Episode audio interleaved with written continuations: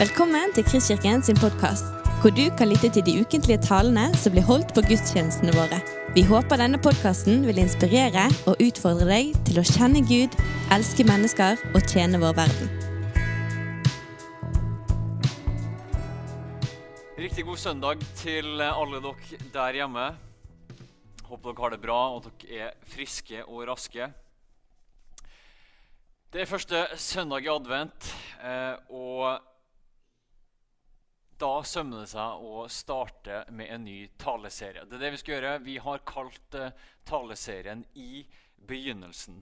Du vet, Advent det handler om å, om å vente, om å se fram til eh, Jesus. Så du kan på en måte si at det handler om å se etter Jesus. Og På tre av søndagene nå i advent, den fjerde søndagen så er det konferanse. det er neste søndag. Men eh, på tre av de søndagene så skal vi altså eh, sammen bruke adventstiden til å se etter Jesus. Og vi skal se etter Jesus i noen utvalgte historier fra første Mosebok. Serien vi har bak oss i høst, da har vi gått gjennom det såkalte sendebrevene. Eh, overskriften har vært 'etterfølgelse'. Eh, og Vi har sett på menigheter som sammen har kjempa med dette spørsmålet hvordan følge Jesus i den tiden eh, og på det stedet som vi lever i. Det kan være vel og bra når vi har hatt en sånn taleserie, å tenke litt gjennom. Kanskje bla opp i, i skriftstedene og se gjennom. Var det noe som du la merke til, som du ble minna på, som kanskje Gud utfordrer deg til å ta med videre? Så se, bla gjerne opp og, og se litt gjennom de sendebrevene nå når den taleserien er ferdig. Men nå er det altså ny taleserie i begynnelsen. Og det er sånn Når vi leser en bok, så er det veldig naturlig å starte i begynnelsen. Start på side 1. Og Sånn sett er ikke Bibelen noe annerledes. Eh, imidlertid, hvis du begynner på side 1 i Bibelen, og, og, der får du da de her ordene i begynnelsen, så kan man når du leser videre, etter hvert få inntrykk av at av at på en måte helten i historien, Jesus Kristus, han dukker ikke opp før sånn ca. 1000 sider ut i historien. Du må liksom gjennom skapelsen og gjennom, gjennom, uh, gjennom Abraham og Israelsfolket og opp- og nedturer og, og lang periode før du liksom kommer til Jesus. Men det kristne budskapet er at Jesus har vært der hele tiden. Han kommer i kjøtt og blod, i tid og rom, i Betlehem rundt år null. Men som Gud, som Guds ord, så har han vært der hele tiden. Til og med i skapelsen, som vi skal se i dag. Den første kristne leste Det gamle testamentet med sånne øyne, med et sånt blikk. Hvor er Jesus? Og Jesus sjøl var også inne på det. I Lukas 24 så har vi historien om de såkalte Emmaus-vandrerne. Det var to menn som var på vei til Emmaus, Emmaus og de prater sammen om det som er breaking news, arrestasjonen og korsfestelsen av Jesus fra Nasaret.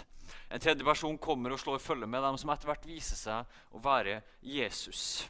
Og Etter å ha hørt dem snakke, så griper han inn. og Vi leser fra Lukas 24, vers 25. Da sa han til dem.: Så uforstandige dere er, og så trege til å tro alt det profetene har sagt. Måtte ikke Messias lide dette og så gå inn til sin herlighet? Og han begynte å utlegge for dem det som står om ham i alle skriftene, helt fra Moses av og hos alle profetene. Det er tydelig at Jesus ser seg sjøl som en rød tråd gjennom hele Det gamle testamentet. Fra Moses av og gjennom salmene og profetene. Noe av det samme ser vi når Jesus i Johannesevangeliet sier til fariserene dere gransker Skriftene, for dere mener at dere har evig liv i dem. Men det er de som vitner om meg. Likevel vil dere ikke komme til meg, så dere kan ha liv. Ok, Men det å si at når vi leser Bibelen, så ja, vi må ofte starte på side 1 i en bok, men når vi leser Bibelen, så må vi starte med Jesus. Hvorfor? Slik som Jesus sa det overfor Emmaus-vandrerne, så må Skriften utlegges. Skriften må tolkes. Derfor er det ikke nok å bare Sånn som jeg fikk beskjed om av og til, at ja, det var bare å lese Bibelen. Les Bibelen, så er det liksom greit. Men for å være helt ærlig så har folk gått aldeles ut av kurs ved bare å lese Bibelen. Den må utlegges, og den må tolkes. Og Det er gode og dårlige måter å gjøre det på. Og Den viktigste nøkkelen er å starte med Jesus. Vi tolker Det gamle testamentet i lys av Jesus, og ikke Jesus i lys av Det gamle testamentet. Og Vi kan kunne snakke mye om hva det faktisk betyr, men det betyr i alle fall at det er først når vi ser Jesus klart, at vi virkelig kan forstå hva Det gamle testamentet handler om. Og Da kan du si at vi starter ikke med i begynnelsen, men med 'det er fullbrakt'. Og så leser vi det tilbake i teksten. Det er som en god thriller eller en god krimroman. Hvor du tror at du har skjønt handlingen og henger med. ja, ja, det er det som skjer, det er det som skjer. Og Så kommer slutten, og så skjønner du at du har ikke hengt med i det hele tatt. Pga. slutten og pga. klimakset så kommer hele historien før i et nytt lys. En annen grunn for at vi skal starte med Jesus når vi leser Bibelen, er at han er fundamentet. Ifølge Bibelen er Jesus alfa og omega. Den første bokstaven i alfabetet og den siste bokstaven i alfabetet. Han er både begynnelsen og slutten. Hele historien, hele eksistensen tilhører han og finner sin mening i han. Noe av det samme ser vi i Hebreerbrevet, hvor Jesus kalles det her troens opphavsmann og fullender. Og han er også fundamentet for skaperverket. Kolosserne kapittel 1 vers 16 så står det For i ham er alt blitt skapt, i himmelen og på jorden. Det synlige og det usynlige, troner og herskere, makter og åndskrefter. Alt er skapt ved ham og til ham. Ganske heftig. Eller for, for, å sitere starten av Hebreerbrevet Mange ganger og på mange måter har Gud i tidligere tider talt til fedrene gjennom profetene. Men nå, i disse siste dager, har han talt til oss gjennom Sønnen. Ham har Gud innsatt som arving over alle ting, for ved ham skapte han verden. Han er utstrålingen av Guds herlighet og bildet av hans vesen, og han bærer alt ved sitt mektige ord. Vi ser litt av den samme Jesus-sentrerte måten å lese Bibelen på hos de første kristne. Husk at Den første generasjonen av kristne etter Jesus de hadde jo ikke Bibelen som jeg og du har. De hadde jo bare Det gamle testamentet. Skriftene som vi kjenner som Det nye testamentet, kom jo ikke sammen før tidligste slutten av det første århundret. Deres bibel var den hebraiske bibelen, Det gamle testamentet.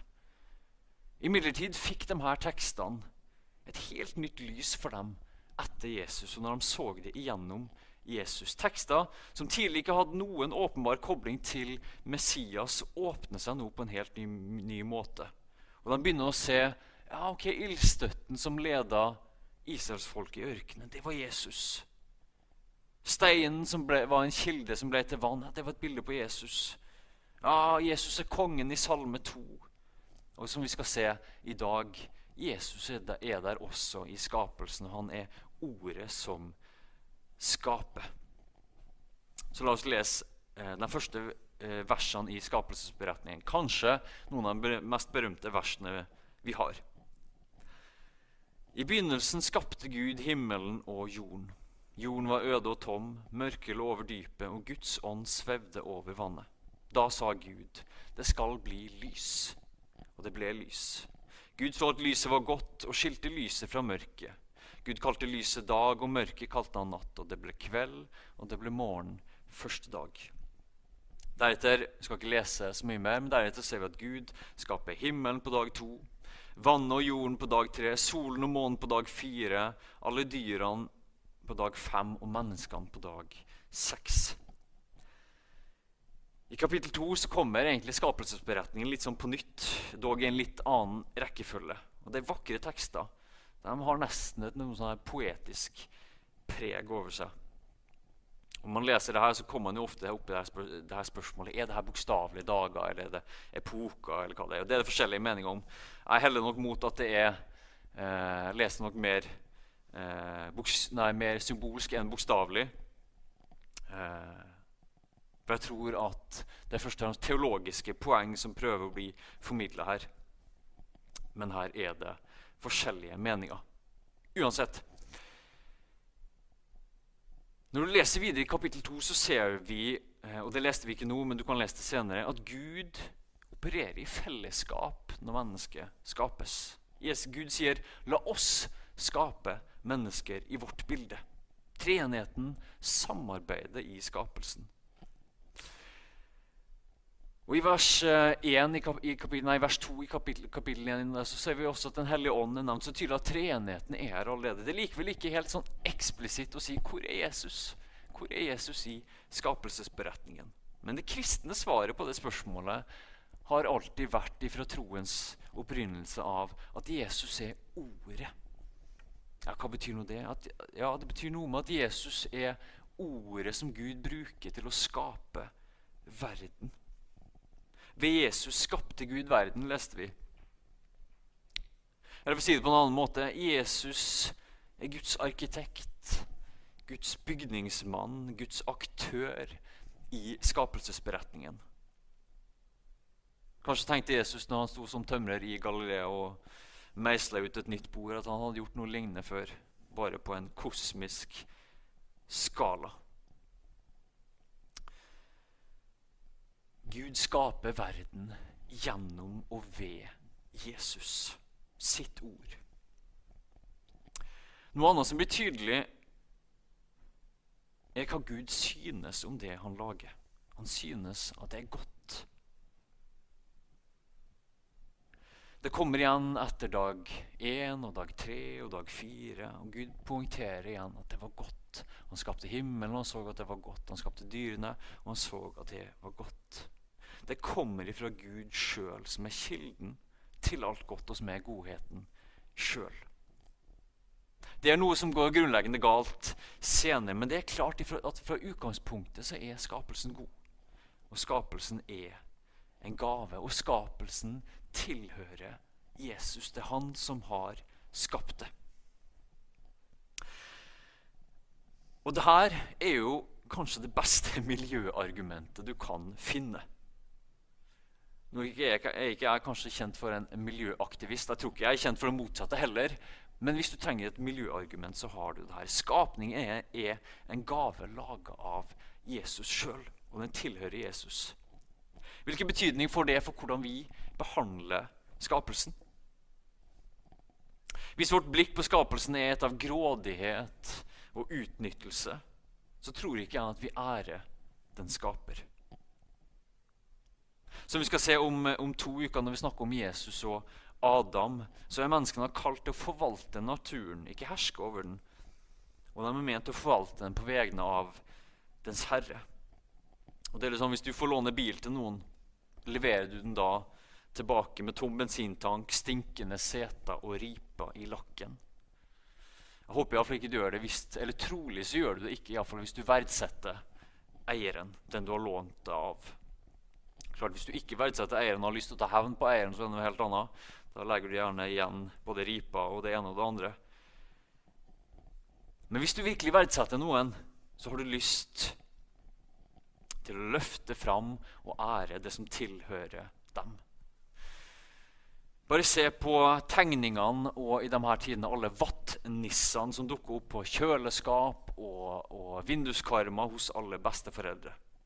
Det er jo ikke det at det er kanskje den største kunsten som finnes. Men besteforeldrene løfter det opp og ærer det fordi de verdsetter dem som har lagd det. Ok, Da fikk du et miljøargument i talen helt gratis. Videre. Jeg nevnte det her. Jeg har bare lyst til å ta det som et sidepoeng også. I vers 2 så ser vi at Guds ånd er til stede i skapelsen. Det står at Den hellige ånd svevde over vannet. Det er jo svevende, bokstavelig talt. Men det er interessant med dette ordet at ånden svevde. For det betyr ikke først og fremst at Gud lå som et helikopter over et vann og fløy over det. Men ordet har noe av det her i seg, at ånden på en måte rugde over vannet, over skapelsen, slik en høne ruger over eggene. Faktisk en mild ruging, hvis du kan se for deg det. Og Det er også et element av å verne. Hva betyr det? Jeg vet ikke helt. Men det har noe med at Ånden ønsker, tror jeg, å gjøre det samme i våre liv. En forutsetning for vekst, dyp indre åndelig vekst er at Den hellige ånd, livets ånd, får sveve, ruge og verne over ditt hjerte. Og kanskje spesielt over kaoset i ditt hjerte. For I Bibelen er, ofte, er vann ofte et bilde på kaos. Og Den hellige ånd svevde over kaoset. Og til slutt begynte det å spire fram liv. Og det var godt. La Den hellige ånd få hvile over kaoset i ditt liv. Ok, Vi har sagt at Jesus er Ordet, fordi det er gjennom Han at Gud skaper den fysiske verden.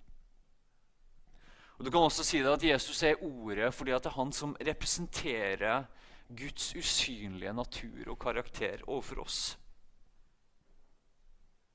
Som vi leste, så står det at Jesus er utstrålingen av Guds herlighet og bildet av hans vesen. Jesus viser oss hvem Gud er. Virkelig. På ordentlig. Jesus viser oss hvem Gud er. For Gud er jo usynlig. Og Selv hvor romantisk det er å ha en usynlig venn, så er det litt vanskelig. For vi kan ikke se han. Det blir noe som er litt sånn uangripelig. Sant?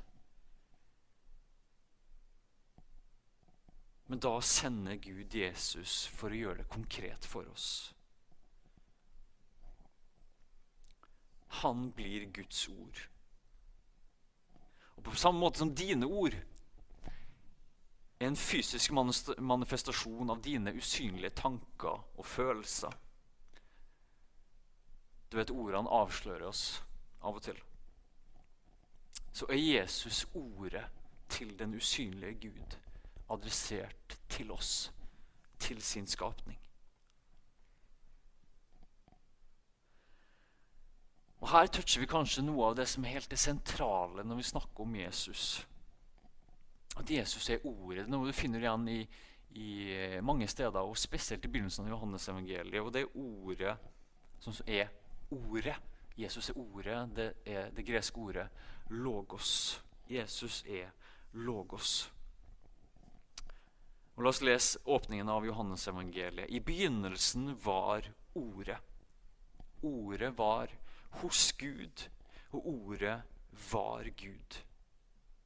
Han var i begynnelsen hos Gud. Og hør etter. Alt er blitt til ved ham. Uten ham er ikke noe blitt til. Og Hvis du fulgte ekstra godt med, så så du at også her så var det i begynnelsen. Johannes speiler åpningsordene i Første Mosebok helt bevisst. Av flere grunner, men noe av det for å si at her har vi med samme person å gjøre. Og noe også med at Gud gjennom sin sønn også holder på å skape noe nytt. Et nytt menneske. En fornyelse av skapningen. Og det her Ordet 'logos' det betyr mer enn bare ord, sånn som vi oversetter det i norsk. I Jesus sin samtid så hadde man et begrep 'logos' var også da mer enn et begrep bare for et enkelt ord som man kan si med munnen sin. Det var også et begrep for noe universelt, noe sånn eh, en, en, usynlig rasjonalitet, en usynlig visdom som var langt fjernt ifra menneskene, fjernt ifra den virkelige verden, men samtidig som hadde skapt verden. Det som likevel var helt unikt, var at Johannes sa at denne, denne visdommen som har skapt verden, det som er langt der ute, den, den, den ultimate, universelle bevisstheten og rasjonaliteten som er der ute, den har blitt menneske. Den har blitt konkret. Den har tatt bolig iblant oss. Og Da blir det at Jesus er ordet. Da kan vi si Jesus er logos. Jesus er Guds rasjonalitet, Guds vesen. Og Da blir det her ordet, det blir det logos, det ordet som skaper orden ut av kaos og liv ut av øde landskap. Akkurat som vi så i skapelsesberetningen. Og egentlig akkurat som vi har det i Jesus sin tjeneste også. Når han kommer som ordet, og i fall når han begynner sin tjeneste, så begynner han med det her å skape orden ut av det kaoset som den vonde har lagd. Og han begynner å skape liv ut av det øde. Han helbreder mennesker. Han setter mennesker fri som er underkua av den onde. Han tilgir synd, og han bryter lenker. Som ordet så kommer han, og så er han sannheten som setter fri.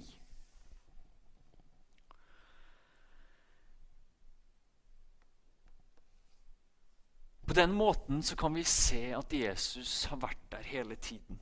Jesus var der som Guds bygningsmann i begynnelsen. Jesus har aldri vært adskilt fra sin skapning. Han kom ikke plutselig i år null og tenkte at nå må vi gjøre noe. Han har vært der hele tiden, og han er min og din og naturens og universets skaper, opprettholder og frelser, som vi skal se mer på om to uker. Det er gode nyheter. Gud har ikke forlatt verdenen. Han skapte. Og andre steder står det han er også den som opprettholder. Hvordan det fungerer, vet jeg ikke.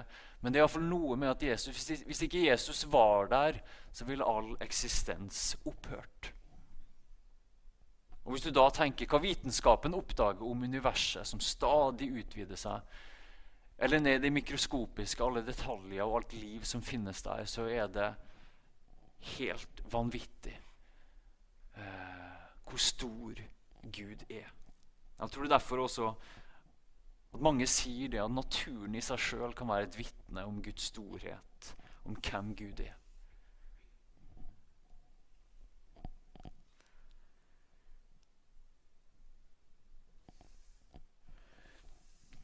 Jeg vil avslutte med å koble det her inn mot mitt og ditt liv. Det står at Jesus er skaper. Han er logos. Men det står også at jeg og du er skapt i Guds bilde. Og du vet at Vi mennesker vi skiller oss ifra dyrene. Ingen av dyrene kan operere med samvittighet og, og rasjonalitet og evne til å planlegge. og den type bevissthet som vi mennesker opererer med fordi vi er skapt i Guds bilde. Og Det å være skapt i Guds bilde det betyr også at noe av det her ordet, noe av det her logos, er også lagt ned i den enkelte. Det er også lagt ned i ditt liv. Eller for å si det helt direkte du er også en skaper. Du har ordet i deg. Og det mener jeg faktisk helt konkret. Et sted i Bibelen så står det at liv og død er i tungens makt. Gud skapte med sitt ord, og noe den, noe av den samme, langt ifra den samme evnen, helt åpenbart, men noe av den samme evnen har jeg og du. Vi kan skape med våre ord. Og det mener jeg faktisk ganske konkret. Når du taler sant, og spesielt når du taler sant i kjærlighet, så er du med på å skape en verden rundt deg. Da er du med på å sette orden i kaoset. Da er du med på å bringe lys i mørket. Da er du med på å skape liv ut av det øde. Da er du med på å skape paradis på jord. Da er du med på å føre himmelen nærmere jorden. Men hvis du ikke snakker sant, hvis du lyger og fordreier ordene dine, så er du med på å bryte ned. Da er du med på å skape kaos og uorden. Og Det er kanskje harde ord, og det er et stort ansvar. For Det mest behagelige er jo bare å leve rundt og tenke at nei, vet du hva? Det jeg sier og det jeg gjør, det har ingen betydning. Det har ingen betydning for andre, og, og så lenge jeg kan leve med konsekvensene, så kan jeg gjøre det jeg vil.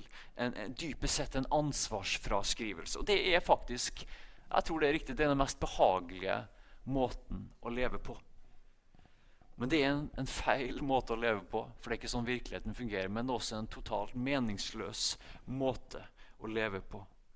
For jeg og du, vi tar opp vårt kall som Guds ord, og som er skapt i Guds bilde, nettopp når vi tar det ansvaret at vi også er en skaper. Vi lever ikke i et vakuum. Vi påvirker andre. Vi, her i, i Kristkirken så sier vi av og til at vi skal leve ringvirkningsliv.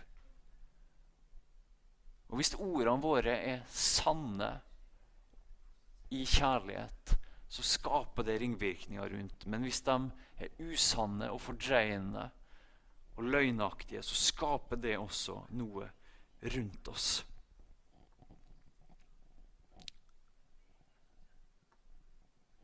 Derfor, husk, Jesus er skaperen, men la det være veldig konkret. Kanskje kan det være en øvelse også. Tal sant, iallfall ikke lyg. Når du går gjennom dagen, når du snakker med andre, når du snakker overfor deg sjøl. For da er du med på å skape himmel på jord. Amen. Du har lyttet til en podkast fra Kristkirken i Bergen. Vi håper du har blitt inspirert og utfordret i din vandring med Gud. Vil du vite mer om oss, så klikk deg inn på kristkirken.no.